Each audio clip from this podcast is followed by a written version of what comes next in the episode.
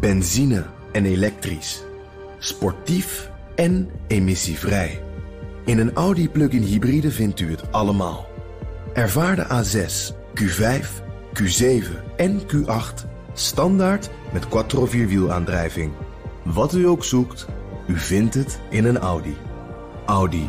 Voorsprong door techniek. Joe Biden is aan een Europese tournee begonnen naar Boris Johnson en natuurlijk de Queen, de G7, de NAVO en dan naar Genève voor een ontmoeting met de man die hij pas geleden een moordenaar noemde, Vladimir Poetin. Optreden tegen Rusland en China, dat zijn de hoofdthema's van de rondreis. Je moet een grote optimist zijn om er meer van te verwachten dan waarschuwende vingers. Viktor Orbán, de voortdurend en terecht verguisde Hongaarse premier, veroorzaakte de zoveelste bonje binnen de EU met deze opmerking. Brussel moet stoppen met de obsessie om verzonnen en schreeuwerige verklaringen af te leggen. De afgelopen jaren heeft deze gezamenlijke buitenlandse politiek ingegeven door binnenlandse politieke overwegingen het buitenlandbeleid van de Europese Unie tot een lachertje gemaakt.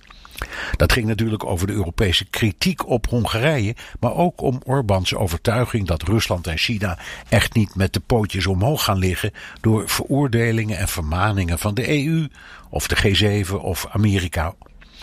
Heiko Maas, de Duitse minister van Buitenlandse Zaken, was woest omdat Hongarije gezamenlijke Europese verklaringen steeds door veto's tegenhoudt. Die veto's zijn hinderlijk en als iemand een obsessie heeft voor verzonnen en schreeuwerige verklaringen, is het Orbán zelf. Maar toch heeft hij een punt.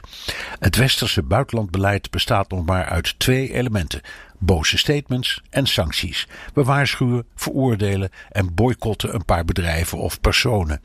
Westerse leiders houden elkaar voor dat het allemaal echt effect heeft, maar Poetin krijgt gewoon zijn Nord Stream 2 en Xi Jinping gaat de economische en technologische race winnen. De doorbraak zou moeten komen van Joe Biden, de machtigste man ter wereld. Briljant als hij de coronacrisis mag hebben aangepakt van een duidelijk buitenlandbeleid, is ondanks zijn ervaring en kennis nauwelijks sprake. Politico noemt het de eeuwige, eindeloos frustrerende speurtocht naar de Biden-doctrine. Hij kan zijn gezag niet uitsluitend blijven ontlenen aan het feit dat hij niet Trump is. Dat vinden de bondgenoten overigens prettig, maar om Poetin te laten breken met de Wit-Russische leider Lukashenko of de Oekraïense separatisten of Xi te laten stoppen met de onderdrukking van de Oeigoeren, moet je kunnen intimideren, zoals John Kennedy dat deed met Khrushchev, Nixon met Mao en Reagan met Gorbachev. Op de zoveelste groepsfoto en een pittig slotcommuniqué zit de niet te wachten. Benzine en elektrisch. Sportief en emissievrij. In een Audi plug-in hybride vindt u het allemaal. Ervaar de A6, Q5, Q7 en Q8 standaard met quattro vierwielaandrijving. Wat u ook zoekt, u vindt het in een Audi. Audi. Voorsprong door techniek.